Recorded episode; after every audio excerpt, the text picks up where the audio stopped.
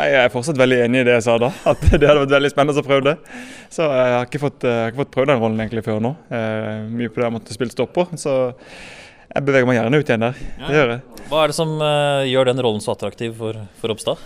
Jeg, jeg syns det er veldig gøy å være med offensivt. Prøve å skape litt ting og slå innlegg på sist. Eh, kanskje kjøre noen dragninger der ute, får vi se. Så jeg syns det er gøy å kunne være med og bidra litt offensivt. Åssen har det vært å ha litt ro rundt feltet?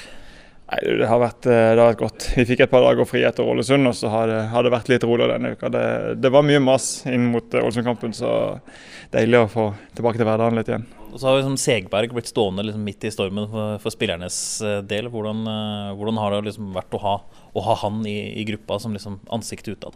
Nei, Vi, vi kasta han i ilden, vi. Så vi bestemte oss for at han kunne ta støyten. Nei da. Det var naturlig at han tok den som kaptein nå.